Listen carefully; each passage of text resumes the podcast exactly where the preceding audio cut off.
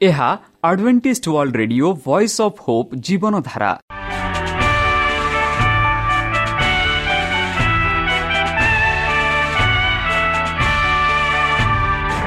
Odia radio କାର୍ଯ୍ୟକ୍ରମ ଯାହା ଆମର ଆନ୍ତର୍ଜାତୀୟ ଆଘାତ କେନ୍ଦ୍ରରୁ ପ୍ରସାରଣ କରାଯାଉଛି ପ୍ରତିଦିନ ରାତି ନଅଟା ତିରିଶ ମିନିଟ୍ରେ। ମୁଁ ସୁବ୍ରତ କୁମାର ପତି ପ୍ରେମର ସହ ଆପଣମାନଙ୍କୁ ଏହି କାର୍ଯ୍ୟକ୍ରମକୁ ସ୍ୱାଗତ କରୁଅଛି। ଚାଲନ୍ତୁ ଆଜିର ତିରିଶ ମିନିଟ୍ର କାର୍ଯ୍ୟକ୍ରମ ବିଷୟରେ ଜାଣିନେବା। ପ୍ରଥମେ ରଖିଛୁ ଆଧ୍ୟାତ୍ମିକ ଭକ୍ତିମୟ ଗୀତ। ଏହାପରେ ଶୁଣିବା ସ୍ୱାସ୍ଥ୍ୟ ବିଷୟରେ ଯାହା ଆମର ଦୈନିକ ଜୀବନରେ ଅତ୍ୟନ୍ତ ଜରୁରୀ। ଆଉ ପରିଶେଷରେ ଶୁଣିବା ପରମେଶ୍ୱରଙ୍କ ଭକ୍ତଙ୍କଠାରୁ ଜୀବନଦାୟକ ଈଶ୍ୱରଙ୍କ ବାକ୍ୟ। ପ୍ରିୟ ଶ୍ରୋତା ତାହେଲେ ଚାଲନ୍ତୁ ଶୁଣିବା ଏକ ଆଧ୍ୟାତ୍ମିକ ଭକ୍ତିମୟ ଗୀତ।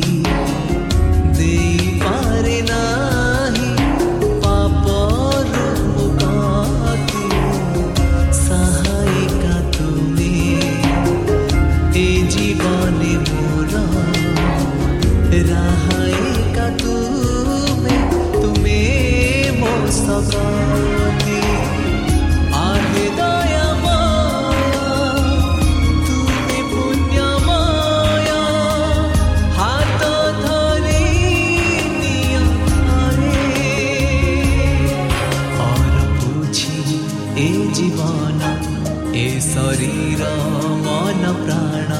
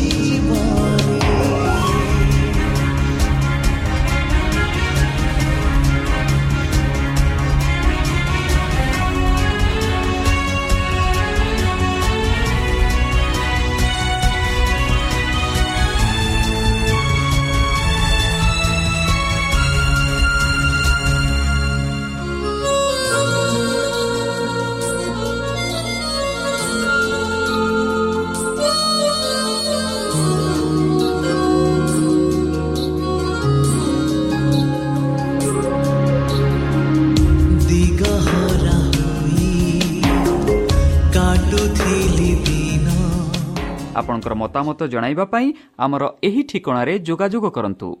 ଆମ ଠିକଣା Adventist Media Centre SDA Mission Compound Salisbury Park Pune ଚାରି ଏକ ଏକ ଶୂନ ତିନି ସାତ ମହାରାଷ୍ଟ୍ର।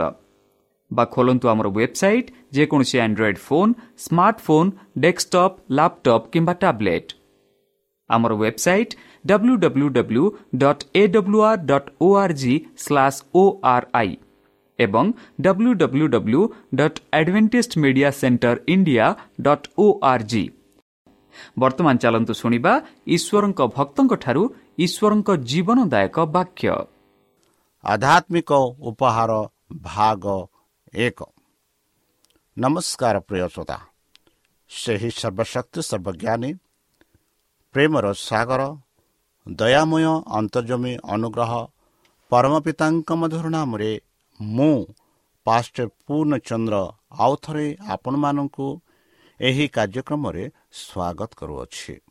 ସେହି ସର୍ବଶକ୍ତି ପରମେଶ୍ୱର ଆପଣମାନଙ୍କୁ ଆଶୀର୍ବାଦ କରନ୍ତୁ।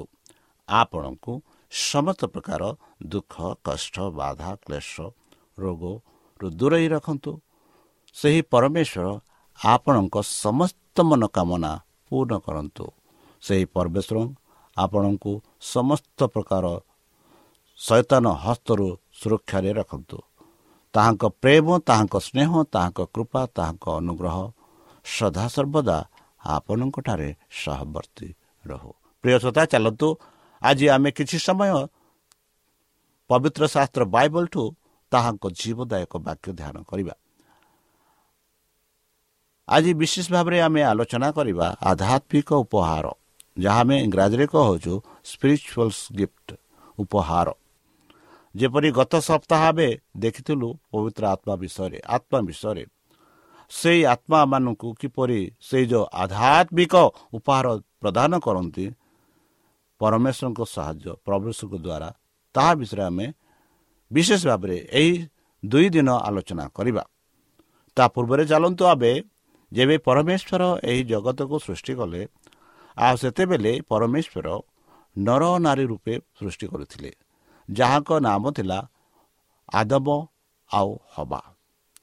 ସେହି ଆଦମ ହବା ପରମେଶ୍ୱର ସୃଷ୍ଟି କଲା ପରେ ସେ ଏଦନରେ ପରମେଶ୍ୱର ସେମାନଙ୍କୁ ରଖିଲେ। ଯେପରି ସେମାନେ ସେ ଏଦନର ସୁରକ୍ଷିତ ସେ ଏଦନର ଦେଖଭାଲ କରିବେ ଏହି ରୂପେ ପରମେଶ୍ୱର ସେମାନଙ୍କୁ ଏଦନରେ ରଖିଥିଲେ। ଯଦି ଆମେ ଆଦି ପୁସ୍ତକ ତିନି ନ ପଢ଼ିବା କିପରି ପରମେଶ୍ୱର ଆଦମ ହବାଙ୍କ ସହ ଯୋଗାଯୋଗ କଲେ? କିପରି ପରମେଶ୍ୱର ଆଦମ ହବାଙ୍କ ସହ କଥାବାର୍ତ୍ତା କଲେ? ତାହା ବିଷୟରେ ଆମେ ପାଉଅଛୁ। ଯଦି ଆମେ ଦେଖିବା ଆଦି ପୁସ୍ତକ ତିନି ନ ସେଠି ପାଉଅଛୁ ଆମେ। ତହିଁରେ ସଦାପ୍ରଭୁ ପରମେଶ୍ୱର ଆଦମକୁ ଡାକି କହିଲେ ତୁମ୍ଭେ କେଉଁଠାରେ? ବନ୍ଧୁ ଏହି କାହାଣୀ ଯଦି ଆମେ ଦେଖିବା ଯେବେ ପରମେଶ୍ୱର ଆଦମ ହବାକୁ ସୃଷ୍ଟି କଲା ପରେ ପରମେଶ୍ୱର ଆଦମ ହବାକୁ ଏହିପରି କହିଲେ ଏଇ ଯେଉଁ ଏଦନର ସମସ୍ତ ବୃକ୍ଷର ଫଳ ତୁମେ ପାନ କରିପାରିବ ଖାଇପାରିବ। ମାତ୍ର ଯେଉଁ ବୃକ୍ଷ ଏଇ ଯେଉଁ ଏଦନ ମଧ୍ୟସ୍ଥରେ ରୋପଣ ହୋଇଅଛି ସେହି ବୃକ୍ଷର ଫଳ ଖାଇବ ନାହିଁ। ସେହି ବୃକ୍ଷର ଫଳ ଖାଇଲେ ତୁମେ ମୃତ୍ୟୁ ହେବ ବୋଲି ପରମେଶ୍ୱର ସେମାନଙ୍କୁ ସତର୍କ ବାଣି ଦେଇ କହିଥିଲେ ଯାହା ଆମେ କହୁଛୁ ଜ୍ଞାନଦାୟକ ବୃକ୍ଷ ସତ୍ ସତ୍ ବୃକ୍ଷ ବୋଲି। ଆଉ ସେଇ ବୃକ୍ଷର ଫଳ ତୁମେ ଯେବେ ଖାଇବ ନିଶ୍ଚିତ ରୂପେ ତୁମେ ମରିବ। ଆମେ ଭଲ ଭାବରେ ଜାଣିଛୁ କିପରି ଏଇ ଯେଉଁ ଏଦନରେ ଆଦମ ହବା ଶୈତାନର ପ୍ରଲୋଭନରେ ପଡ଼ି ସେଇ ବୃକ୍ଷର ଫଳ ଖାଇଲେ ଆଉ ସେମାନେ ନିଜକୁ ଦେଖିଲେ ସେମାନେ ଉଲ୍ଲଙ୍ଘନ ଅଛନ୍ତି ଆଉ ସେମାନେ ସଦାପ୍ରଭୁ ପରମେଶ୍ୱରଙ୍କ ସମ୍ମୁଖରୁ ଲୁଚେଇ ରହିବା ପାଇଁ ଚେଷ୍ଟା କରୁଛନ୍ତି। ଆଉ ସେତେବେଳେ ସଦାପ୍ରଭୁ ଯେପରି ପ୍ରତିଦିନ ସେମାନଙ୍କୁ ସାକ୍ଷାତ କରିବା ପାଇଁ ଆସନ୍ତି ସେହିପରି ସେଦିନ ମଧ୍ୟ ସଦାପ୍ରଭୁ ପରମେଶ୍ୱର ସାକ୍ଷାତ କରିବା ନିମନ୍ତେ ଆସିଥିଲେ। ମାତ୍ର ଆଦମ ହବା ସେହି ଯେଉଁ ସ୍ଥାନରେ ସେମାନଙ୍କୁ ମିଶୁଥିଲେ କଥାବାର୍ତ୍ତା ହେଉଥିଲେ ସେହି ସ୍ଥାନରେ ସେମାନେ ନଥିଲେ। ଆଉ ଆମେ ପାଉଛୁ ଏଠି ହେ ଆଦମ ତୁମେ କେଉଁଠାରେ? ବନ୍ଧୁ ବର୍ତ୍ତମାନ ଆମମାନେ ମଧ୍ୟ ସେହି ପରିସ୍ଥିତିରେ ଅଛୁ। ଆମେ ଶୈତାନର ପ୍ରଲୋଭନରେ ପଡ଼ି ପରମେଶ୍ୱରଙ୍କ ସମ୍ମୁଖରେ ବାହାରି ଯିବା ପାଇଁ ଆମେ ଚେଷ୍ଟା କରୁଛେ। ପରମେଶ୍ୱର ଆମମାନଙ୍କୁ ପଚାରୁଛନ୍ତି ଡାକୁଛନ୍ତି ହେ ମୋ ପୁଅ ହେ ମୋ ଝିଅ ତୁମେ କେଉଁଠାରେ? ତୁମେ କେଉଁଠାରେ? ଏହିପରି ପରମେଶ୍ୱର ବର୍ତ୍ତମାନ ବି ଆହ୍ୱାନ କରୁଛନ୍ତି ବନ୍ଧୁ। ବନ୍ଧୁ ପତନ ପରଠାରୁ ଈଶ୍ୱର କିପରି ତାଙ୍କ ଇଚ୍ଛା ଜାଣିଛନ୍ତି? ଜଣାଇଲେ ଯଦି ଆମେ ପଢ଼ିବା ଏଭ୍ରି ତାର ଏକ ଏକ ଏଠି ଆମେ ପାଉଛୁ ଈଶ୍ୱର ପୁରାକାଳରେ ବିଭିନ୍ନ ଭାଗରେ ଓ ବିଭିନ୍ନ ପ୍ରକାର ଭାବବାଦୀମାନଙ୍କ ଦ୍ୱାରା ପିତୃପୁରୁଷମାନଙ୍କୁ କଥା କହିଛନ୍ତି ବୋଲି। ବନ୍ଧୁ ଆଦମ ହବାଙ୍କୁ ସୃଷ୍ଟି କଲା ପରେ ପରମେଶ୍ୱର ନିଜେ ଆସି କଥାବାର୍ତ୍ତା କରୁଥିଲେ। ସେ ନିଜେ ସାକ୍ଷାତ କରୁଥିଲେ। ଆଉ ଯେବେ ଆଦମ ହବା ପାପ କଲେ ତାପରେ ପରମେଶ୍ୱର ବିଭିନ୍ନ ପ୍ରକାର ଭାବବାଦୀମାନଙ୍କ ଦ୍ୱାରା ପିତୃପୁରୁଷମାନଙ୍କୁ କଥା କହିଛନ୍ତି ବୋଲି ଆମେ ଦେଖୁଛୁ। ବର୍ତ୍ତମାନ ଆମେ ପବିତ୍ର ଶାସ୍ତ୍ର ବାଇବଲ ଦ୍ୱାରା ଈଶ୍ୱରଙ୍କ ବାକ୍ୟ ଆମେ ଶୁଣୁଅଛୁ। ବନ୍ଧୁ ଯେପରିକି ଭବିଷ୍ୟତ ଭକ୍ତମାନଙ୍କ ଦ୍ୱାରା କହିବାର ଉଦ୍ଦେଶ୍ୟ କ'ଣ ଥିଲା? ଯଦି ଆମେ ପଚାରିବା ପରମେଶ୍ୱରଙ୍କ ପରମେଶ୍ୱର ଭାବବାଦୀ ମାନଙ୍କ ଦ୍ୱାରା ପରମେଶ୍ୱର କିପରି ତାଙ୍କର କଥା କହିବାର ଉଦ୍ଦେଶ୍ୟ କ'ଣ ଥିଲା? ଯଦି ଆମେ ପଢ଼ିବା ଆମ ତିନି ସାତ ସେଠି ଆମେ ପାଉଛୁ ନିଶ୍ଚୟ ପ୍ରଭୁ ସଦାପ୍ରଭୁ ନିଜ ଗୁପ୍ତ ବିଷୟ ଆପନା ଦାସ ଭବିଷ୍ୟତ ଭକ୍ତଙ୍କ ପ୍ରତି ପ୍ରକାଶ ନ କଲେ କିଛି କରିବେ ନାହିଁ। ବନ୍ଧୁ ଯେଉଁ ଲୋକ ତାହାଙ୍କୁ ବିଶ୍ୱାସ କରନ୍ତି ଯେଉଁ ଲୋକ ତାହାଙ୍କ ଆଜ୍ଞା ମାନନ୍ତି ଯେଉଁ ଲୋକ ତାଙ୍କ ଆଜ୍ଞା ପ୍ରକାରେ ଚାଲନ୍ତି ସେମାନେ ହେଉଛନ୍ତି ଈଶ୍ୱରଙ୍କର ପୁତ୍ର ଈଶ୍ୱରଙ୍କ ସଦାପ୍ରଭୁଙ୍କର ଦାସ ଆଉ ସେଇ ଯେଉଁ ଦାସକୁ ସେଇ ଯେଉଁ ଭବିଷ୍ୟତ ଭକ୍ତାଙ୍କୁ କେବେ ହେଲେ ନ ପ୍ରକାଶ କରି ପରମେଶ୍ୱର ତାଙ୍କ କାମ କରିବେନି ବୋଲି ପବିତ୍ର ଶାସ୍ତ୍ର ବାଇବଲ ସ୍ପଷ୍ଟ ରୂପେ ଏମାନଙ୍କୁ କହୁଅଛି। ବନ୍ଧୁ ଏଇ ଯେଉଁ ଭବିଷ୍ୟତ ଭକ୍ତାମାନେ ଈଶ୍ୱରଙ୍କ ଇଚ୍ଛାକୁ କେଉଁ ପ୍ରକାର ପ୍ରକାଶ କରିଥିଲେ? ଯେଉଁ ବାକ୍ୟ ପରମେଶ୍ୱର ସେହି ଭବିଷ୍ୟତ ଭକ୍ତାମାନଙ୍କୁ କହିଲେ ସେହି ଭବିଷ୍ୟତ ଭକ୍ତାମାନେ ସେ ଯେଉଁ ଈଶ୍ୱରଙ୍କ ବାକ୍ୟ କେଉଁ ପ୍ରକାର ସେମାନେ ପ୍ରକାଶ କରିଲେ ବୋଲି ଯଦି ଆପଣ ପ୍ରଶ୍ନ ପଚାରିବେ ଏହି ଯେଉଁ ପ୍ରଶ୍ନର ଉତ୍ତର ଆମେ ପାଉଛୁ ଦ୍ୱିତୀୟ ପିତର ଏକ ଏକୋଇଶରେ। ସେଠି ପିତର ଲେଖନ୍ତି ଏହିପରି କାରଣ କୌଣସି ଭାବବାଣୀ କେବେ ହେଁ ମଣିଷ ଇଚ୍ଛାରୁ ଉତ୍ପନ୍ନ ହୋଇନାହିଁ ବନ୍ଧୁ କୌଣସି ଭାବବାଣୀ ବର୍ତ୍ତମାନ ଦେଖୁଛୁ ବା ଭବିଷ୍ୟତରେ ଦେଖୁଛୁ ଆଉ ବିଗତରେ ଯାହା ଆମେ ଦେଖିବା ଭବିଷ୍ୟତରେ ଆମେ ଦେଖିବା ବିଗତରେ ଯାହା ଆମେ ଦେଖି ସାରିଛୁ ଯେଉଁ ଭବିଷ୍ୟତ ବାଣୀ ଗୁଡ଼ାକ ମନୁଷ୍ୟ ଇଚ୍ଛାରେ ଆସିନାହିଁ ସେମାନେ ପବିତ୍ର ଆତ୍ମା ଯିଏକି ଆମେ ପାଉଛୁ ମାତ୍ର ଈଶ୍ୱରଙ୍କ ପ୍ରେରିତ ମଣିଷମାନେ ପବିତ୍ର ଆତ୍ମାଙ୍କ ଦ୍ୱାରା ଚାଲିତ ହୋଇ କଥା ହୋଇଥିଲେ। ଦେଖନ୍ତୁ ବନ୍ଧୁ ପବିତ୍ର ଆତ୍ମାଙ୍କ ଦ୍ୱାରା ଚାଳିତ ହୋଇ କଥା ହୋଇଥିଲେ। ମାନେ ପରମେଶ୍ୱର ପବିତ୍ର ଆତ୍ମାକୁ ଯାହା କହିଥିଲେ ପବିତ୍ର ଆତ୍ମା ସେଇ ଯେଉଁ ଭାବବାଦୀମାନଙ୍କୁ କହିଲେ। ସେହି ଭାବବାଦୀ ମାନେ ବର୍ତ୍ତମାନ ଆମେ ଯାହା ପଢ଼ୁଅଛୁ ତାହା ସେମାନେ ନିଜ ଭାଷାରେ ପ୍ରକାଶ କଲେ। ଯାହା ଆମେ ଦ୍ୱିତୀୟ ସାମୁଏଲ ତେଇଶ ଦୁଇରେ ଆମେ ପାଉଛୁ ମୋ ଦ୍ୱାରା ସଦାପ୍ରଭୁଙ୍କ ଆତ୍ମା କହିଲେ ଓ ତାଙ୍କର ବାକ୍ୟ ମୋ ଜୀଭରେ ଥିଲା ଏହିପରି ଦ୍ୱିତୀୟ ସାମୁଏଲ ତେଇଶ ଦୁଇରେ ଆମେ ପାଉଛେ ପରମେଶ୍ୱରଙ୍କ ବାକ୍ୟ ସେଇ ଯେଉଁ ଭବିଷ୍ୟତ ଭକ୍ତାଙ୍କ ଜୀବନ ଥିଲା ବୋଲି ଆମେ ଦେଖାଉଛୁ। ଏହିପରି ପରମେଶ୍ୱର ସେମାନଙ୍କୁ କଥାବାର୍ତ୍ତା କରିଥିଲେ ଆଉ ସେଇ ବାକ୍ୟ ଗୁଡ଼ାକ ଯାହା ଆମେ ବର୍ତ୍ତମାନ କହୁଛୁ ପବିତ୍ର ଶାସ୍ତ୍ର ବାଇବଲ ସେହି ବାକ୍ୟ ଗୁଡ଼ାକ ଆମେ ବର୍ତ୍ତମାନ ପରମେଶ୍ୱରଙ୍କ ବାକ୍ୟ ଜାଣିପାରୁଛୁ। ତାହେଲେ ଈଶ୍ୱରଙ୍କ ଭବିଷ୍ୟତ ଭକ୍ତାଙ୍କ ବାକ୍ୟ ବିଷୟରେ କ'ଣ କୁହାଯାଏ? ଯେଉଁ ବାକ୍ୟ ଆମେ ବର୍ତ୍ତମାନ କହୁଅଛୁ ସେହି ବାକ୍ୟ କ'ଣ କୁହାଯାଏ ବା କ'ଣ କୁହାଯାଉଥିଲା? ଯଦି ଗଣନା ବାର ଛଅ ପଡ଼ିବା ସେଠି ଆମେ ପାଉଛୁ। ତେବେ ସେ କହିଲେ ଆମର ବାକ୍ୟ ଶୁଣ। ତେବେ ସେ କହିଲେ କ'ଣ? ଆମର ବାକ୍ୟ ଶୁଣ। ଯେବେ ତୁମମାନଙ୍କ ମଧ୍ୟରେ କେହି ଭବିଷ୍ୟତ ଭକ୍ତା ଥାଏ ତେବେ ଆମ୍ଭେ ସଦାପ୍ରଭୁ କୌଣସି ଦର୍ଶନ ଦ୍ୱାରା ତାହା ପ୍ରତି ଆପଣଙ୍କୁ ପ୍ରକାଶ କରିବା। ଆମ୍ଭେ ସ୍ୱପ୍ନ ଦ୍ୱାରା ତାହା ସହିତ କଥା କହିବା। ଏହିପରି ପରମେଶ୍ୱର କହନ୍ତି ତୁମମାନଙ୍କଠାରେ କୌଣସି ଭବିଷ୍ୟତ ଭକ୍ତା ଥିବେ ଯଦି ଅଛନ୍ତି ତେବେ ଆମ୍ଭେ ତାହାଙ୍କ ଦ୍ୱାରା ଆମେ ଦର୍ଶନ ଦେବା। ଆଉ ସ୍ୱପ୍ନ ଦ୍ୱାରା ଆମେ କହିବା। ଯେପରି ଆମର କଥା ସେମାନେ ଜାଣିପାରିବେ ଯେପରି ତୁମେ ତାହାଙ୍କ ଦ୍ୱାରା ମୋ କଥା ଜାଣିପାରିବ। ଏହିପରି ପରମେଶ୍ୱର କୁହନ୍ତି। ବର୍ତ୍ତମାନ ତାହାଙ୍କ ବାକ୍ୟ ଆମେ ପବିତ୍ର ଶାସ୍ତ୍ର ବାଇବଲ ଦ୍ୱାରା ଆମେ ସେହି ଯେଉଁ ପବିତ୍ର ଆତ୍ମ ସାହାଯ୍ୟ ଦ୍ୱାରା ଆମେ ଶୁଣିବାକୁ ଯାଉଛୁ ବା ଶୁଣୁଅଛୁ ବର୍ତ୍ତମାନ ଯେଉଁ ବାକ୍ୟ ଆମେ ପଢ଼ୁଛୁ ସେହି ପବିତ୍ର ଆତ୍ମଙ୍କ ସାହାଯ୍ୟ ଦ୍ୱାରା ପ୍ରଭୁଙ୍କ ବାକ୍ୟ କିପରି ଲୋକଙ୍କ ପାଇଁ ସଂରକ୍ଷିତ ଥିଲା ବନ୍ଧୁ? ଯେପରି ଆମେ ଦାନିଅ ସାତ ଏକ ଯଦି ଦେଖିବା ବାବିଲର ରାଜା ବେଲସରର ଅଧିକାରରେ ପ୍ରଥମ ବର୍ଷରେ ଦାନିଏଲ ଆପନା ଶସ୍ୟ ଉପରେ ସ୍ୱପ୍ନ ଓ ମାନସିକ ଦର୍ଶନ ପ୍ରାପ୍ତ ହେଲେ। ତେଣୁ ସେ ସେହି ସ୍ୱପ୍ନ ଲେଖି କଥାର ସାର ପ୍ରକାଶ କଲେ। ବନ୍ଧୁ ଦାନିଏଲ ସାତ ଏକରେ ଆମେ ଦେଖୁଛୁ ସେ ଯେତେବେଳେ କି ବାଇବିଲର ରାଜା ବାଲସରର ଅଧୀନର ପ୍ରଥମ ବର୍ଷ ଥିଲେ ସେତେବେଳେ ଦାନିଏଲ ଆପନା ଖଟରେ ବା ଶସ୍ୟରେ ଶୋଇଥିଲେ ଆଉ ସେତେବେଳେ ପରମେଶ୍ୱର ତାଙ୍କୁ ସ୍ୱପ୍ନ ଦ୍ୱାରା ଦର୍ଶନ ଦେଲେ ଆଉ ସେ ସ୍ୱପ୍ନ ଦ୍ୱାରା ସେ ସେ ଯେଉଁ ବାବିଲର ରାଜା ବେଲସରକୁ ସେ ପ୍ରକାଶ କଲେ ବୋଲି ଆମେ ଦେଖୁଅଛୁ। ତାପରେ ଆମେ ଦେଖୁ ଜେରିମିୟ ଏକାବନ ଷାଠିଏ ଟୁ ଏକଷଠି।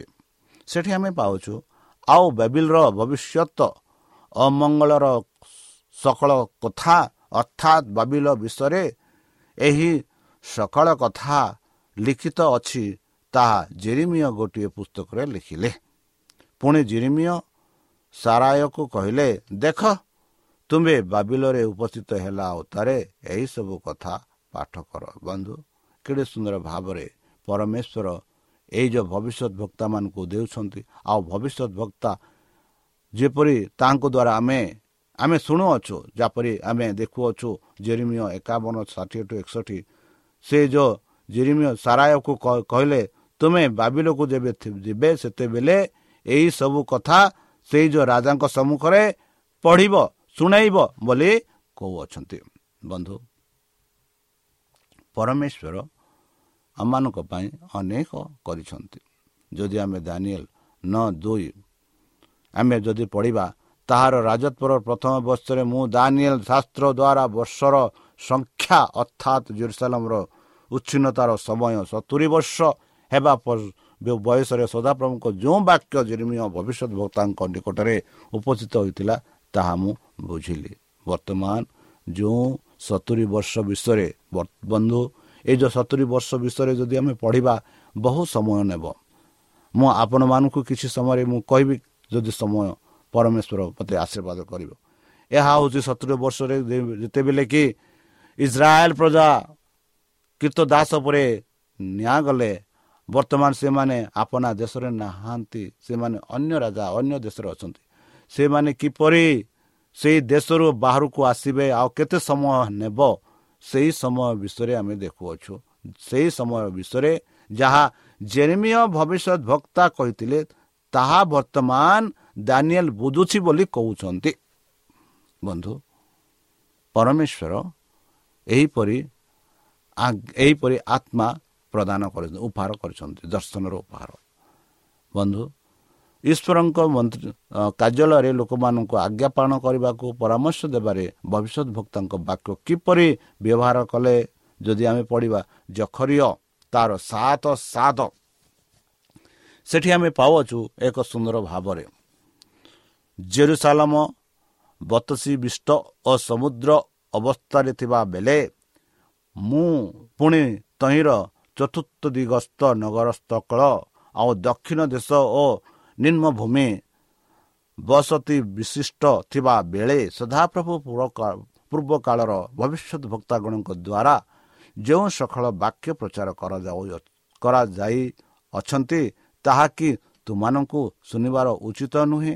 ହଁ ବନ୍ଧୁ ଯାହାପରି ଆମେ ବର୍ତ୍ତମାନ ଯେଉଁ ବାକ୍ୟ ପବିତ୍ର ଶାସ୍ତ୍ର ବାଇବଲରେ ଏମାନଙ୍କୁ କୁହାଯାଉଅଛି ଭବିଷ୍ୟତ ଭକ୍ତାଙ୍କ ଦ୍ୱାରା ଆମମାନଙ୍କୁ ଯାହା ଆସୁଅଛି ପବିତ୍ର ଶାସ୍ତ୍ର ବାଇବଲ ଦ୍ୱାରା ଯାହା ଆସୁଅଛି ତାହାକି ଆମମାନଙ୍କ ଶୁଣିବାର ଉଚିତ ନୁହେଁ। ହଁ ଆମର ଶୁଣିବାର ଉଚିତ ବନ୍ଧୁ ଯେହେତୁ ଏହି ବାକ୍ୟ ଦ୍ୱାରା ସେହି ପରମେଶ୍ୱରଙ୍କ ବିଷୟରେ ଆମେ ଜାଣିପାରୁଛୁ ତାହାଙ୍କ ପ୍ରେମ ବିଷୟରେ ଆମେ ଜାଣିପାରୁଛୁ ପରିତ୍ରାଣ ବିଷୟରେ ଜାଣିପାରୁଛୁ। ଯଦି ଆମେ ଦ୍ୱିତୀୟ ବଂଶାବଳୀ କୋଡ଼ିଏ କୋଡ଼ିଏ ଯଦି ପଢ଼ିବା ସେଠି ଆମେ ପାଉଛୁ ଏହିପରି ବନ୍ଧୁ କି ଉତ୍ତାରେ ସେମାନେ ଅତି ପ୍ରଭାତରେ ଉଠି ତକ୍ରୟ ପ୍ରାନ୍ତର ଆଡ଼କୁ ବାହାରି ଗଲେ ଆଉ ସେମାନେ ଯିବା ସମୟରେ ଜହସପଟ ଠିଆ ହୋଇ କହିଲେ ହେ ଯୋଦ୍ଧା ହେ ଜେରୁସାଲମ ନିବାସୀଗଣ ମୋ କଥା ଶୁଣ। ସଦାପ୍ରଭୁ ତୁମମାନଙ୍କ ପରମେଶ୍ୱରଙ୍କ ଠାରେ ବିଶ୍ୱାସ କର। ତହିଁରେ ତୁମମାନେ ସ୍ଥିରକୃତ ହେବ। ତାହାଙ୍କ ଭବିଷ୍ୟତ ଭକ୍ତାଙ୍କ ମାନଙ୍କୁ ବିଶ୍ୱାସ କର। ତହିଁରେ ତୁମମାନେ କୃତଜ୍ଞତା କୃତ କାର୍ଯ୍ୟ ହେବ।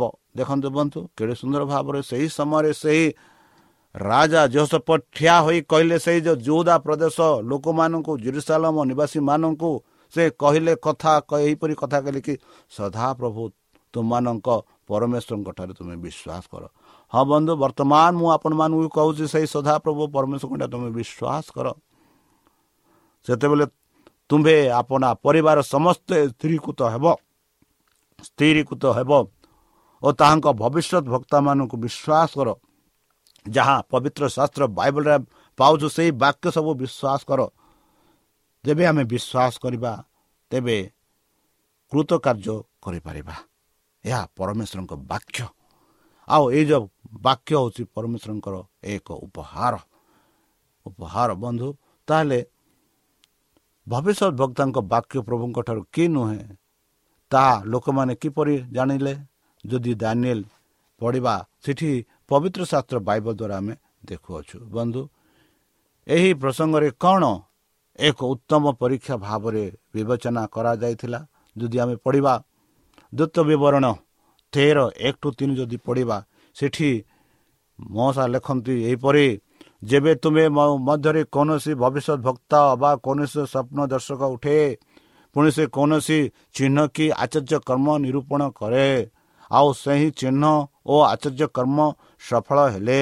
ତୁମେ ଯେଉଁମାନଙ୍କୁ ଜାଣିନାହଁ ଏପରି ଅନ୍ୟ ଦେବତାଗଣଙ୍କ ବିଷୟରେ କହେ। ଆଉ ଆମ୍ଭେମାନେ ସେମାନଙ୍କ ପଶ୍ଚାଦାମୀ ହେବା ଓ ସେମାନଙ୍କ ସେବା କରିବା। ତେବେ ତୁମେ ସେହି ଭବିଷ୍ୟତ ଭକ୍ତା କି ସ୍ୱପ୍ନ ଦର୍ଶର କଥା ଶୁଣିବ ନାହିଁ। କାରଣ ତୁମେମାନେ ସଦାପ୍ରଭୁଙ୍କ ତୁମମାନଙ୍କର ପରମେଶ୍ୱରଙ୍କୁ ଆପଣା ଆପଣାର ସମସ୍ତ ଅନ୍ତକରଣ ଓ ସମସ୍ତ ପ୍ରାଣ ସହିତ ପ୍ରେମ କରୁଅଛ କି ନାହିଁ ଏହା ଜାଣିବା ପାଇଁ ସଦାପ୍ରଭୁ ତୁମମାନଙ୍କୁ ପରମେଶ୍ୱରଙ୍କ ତୁମମାନଙ୍କୁ ପରୀକ୍ଷା କରିଅଛନ୍ତି। ବନ୍ଧୁ ଆଜିକାଲି ଯେପରି ପ୍ରଥମରେ ମୁଁ ଆପଣମାନଙ୍କୁ କହିସାରିଛି ଆଜିକାଲି ଆମ ଯେଉଁ ଖ୍ରୀଷ୍ଟିଆନ ସଂସ୍ଥା ଅଧିକ ଅଛନ୍ତି।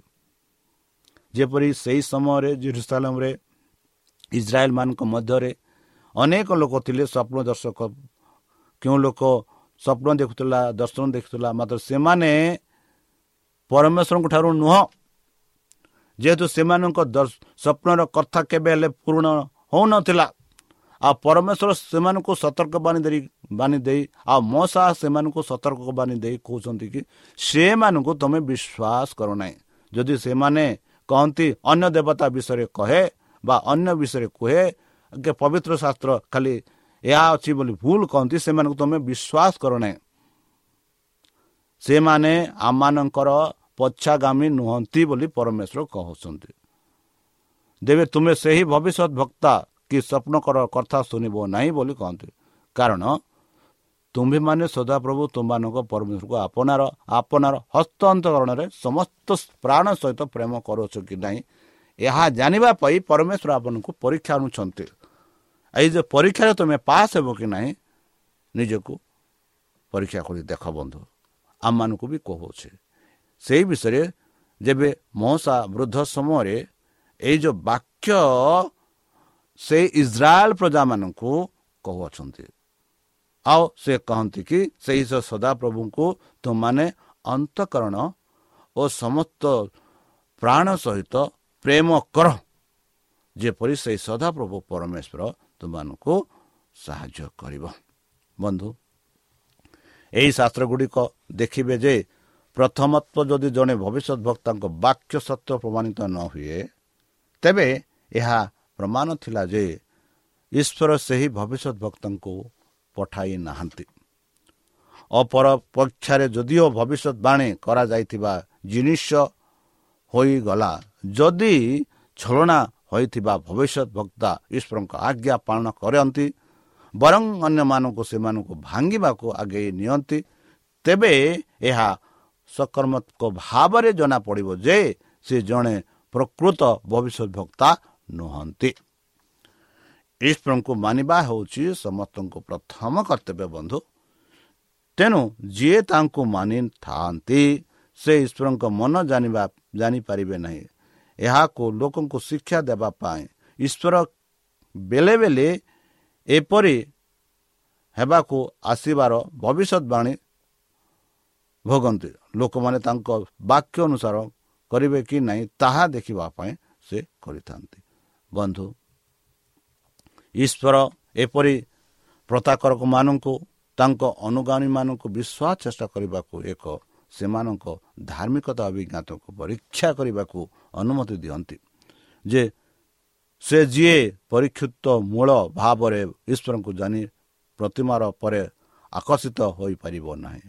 ବନ୍ଧୁ ପରମେଶ୍ୱର ଆମମାନଙ୍କୁ ସେହି ଯେଉଁ ଆତ୍ମା ପ୍ରଦାନ କରୁଛନ୍ତି ଆଉ ଯେବେ ସେ ପ୍ରଦାନ କରିଛନ୍ତି ଆମର କର୍ତ୍ତବ୍ୟ ହେଉଛି ତାଙ୍କ ବାକ୍ୟ ଶୁଣି ତାଙ୍କ ବାକ୍ୟ ଅନୁସାରେ ଆମେ ଚାଲିବା। ତେବେ ହିଁ ଯେଉଁ ଉପହାର ଆମେ ପାଇଅଛୁ ତାହା ଆମେ ଭଲ ରୂପରେ ବ୍ୟବହାର କରୁଅଛୁ। ତାହେଲେ ପ୍ରିୟ ଶ୍ରୋତା ଚାଲନ୍ତୁ ନିଜକୁ ସେହି ସଦାପ୍ରଭୁ ପରମେଶ୍ୱରଙ୍କଠାରେ ସମର୍ପଣ କରି ଯେଉଁ ଯେଉଁ ଆଧ୍ୟାତ୍ମିକ ଉପହାର ଉପହାର ପରମେଶ୍ୱରମାନଙ୍କୁ ଦେଇଛନ୍ତି ସେହି ଉପହାରକୁ ଆମେ ତାଙ୍କ ଗୌରବମାନ୍ୟତା ପାଇଁ ବ୍ୟବହାର କରିବା। ଚାଲନ୍ତୁ ନିଜକୁ ସମର୍ପଣ କରି ତାହାଙ୍କ ମଧୁର ନାମ ଆମେ ପ୍ରାର୍ଥନା ଅର୍ପଣ କରିବା। ହେ ଆମମାନଙ୍କ ସର୍ବଶକ୍ତି ସର୍ବଜ୍ଞାନୀ ପ୍ରେମର ସାଗର ଦୟାମୟ ଅନ୍ତର୍ଜମୀ ଅନୁଗ୍ରହ ପରମ ପିତା ଧନ୍ୟବାଦ ଅର୍ପଣ କରୁଛୁ ପ୍ରଭୁ। ବର୍ତ୍ତମାନ ଯେଉଁ ବାକ୍ୟ ତୁମ ସେ ଭକ୍ତମାନଙ୍କୁ ଶୁଣିଲେ ସେହି ବାକ୍ୟ ଅନୁସାରେ ଏମାନଙ୍କୁ ଚାଲିବା ପାଇଁ ବୁଦ୍ଧିରେ ଜ୍ଞାନରେ ଶକ୍ତିରେ ପରିପୂର୍ଣ୍ଣ କର। ଆମ ପାପ ସବୁ ତୁମ ସେହି ବହୁମୂଲ୍ୟ ରକ୍ତରେ ପରିଷ୍କାର ରୂପେ ଧରି ଦିଅ। ପବିତ୍ର ଆତ୍ମା ଦ୍ୱାରା ଆମମାନଙ୍କୁ ପରିଚାଳନା କର। ସେହି ପବିତ୍ର ଆତ୍ମା ଦ୍ୱାରା ଆମକୁ ବାପିଜିତ କର। ଯେପରିକି ତୁମ ସେହି ବାକ୍ୟ ଅନୁସାରେ ଯାହା ଯାହା ଉପହାର ଆମେ ପାଇଅଛୁ ସେହି ଉପହାର ରୂପେ ଆମେ ଚାଲିପାରିବୁ। ଆଉ ପରିଶେଷ ଯେବେ ତୁମେ ତୁମ ସେହି ସହସ୍ରଦୂତଙ୍କ ସହ ଆସିବେ ସେତେବେଳେ ଆମମାନଙ୍କୁ ଏକ ବାସ୍ଥାନ ଦିଅ ବୋଲି ତ୍ରାଣକର୍ତ୍ତା ପ୍ରଭୁ ଯୀଶୁଙ୍କ ମଧୁରମୟ ନାମରେ ଏହି ଛୋଟ ବିକ୍ଷା ମାନୁଛି ମାନେ ଗ୍ରହଣ କର। ପ୍ରିୟ ଶ୍ରୋତା ଆମେ ଆଶା କରୁଛୁ ଯେ ଆମର କାର୍ଯ୍ୟକ୍ରମ ଆପଣମାନଙ୍କୁ ପସନ୍ଦ ଲାଗୁଥିବ। ଆପଣଙ୍କର ମତାମତ ଜଣାଇବା ପାଇଁ ଆମର ଏହି ଠିକଣାରେ ଯୋଗାଯୋଗ କରନ୍ତୁ। ଆମ ଠିକଣା Adventist Media Centre SDA Mission Compound Salisbury Park Pune ଚାରି ଏକ ଏକ ଶୂନ ତିନି ସାତ ମହାରାଷ୍ଟ୍ର ବା ଖୋଲନ୍ତୁ ଆମର ୱେବସାଇଟ୍ ଯେକୌଣସି Android phone smartphone desktop laptop କିମ୍ବା ଟ୍ୟାବ୍ଲେଟ୍ ଆମର website W W W dot A W R dot O R G slash O R I ଏବଂ W W W dot Adventist Media Centre India dot O R G Adventist Media Centre ଇଣ୍ଡିଆର spelling ହେଉଛି A D V E N T I S T M E D I A C E N T R E I N D I A ଅଥବା download କରନ୍ତୁ ଆମର mobile app ଆପଣଙ୍କର mobile play ଷ୍ଟୋରକୁ ଯାଆନ୍ତୁ ଆଉ type କରନ୍ତୁ the Voice of Hope ଆଉ download କରନ୍ତୁ। ଈଶ୍ୱର ଆପଣଙ୍କୁ ଆଶୀର୍ବାଦ କରନ୍ତୁ। ଧନ୍ୟବାଦ।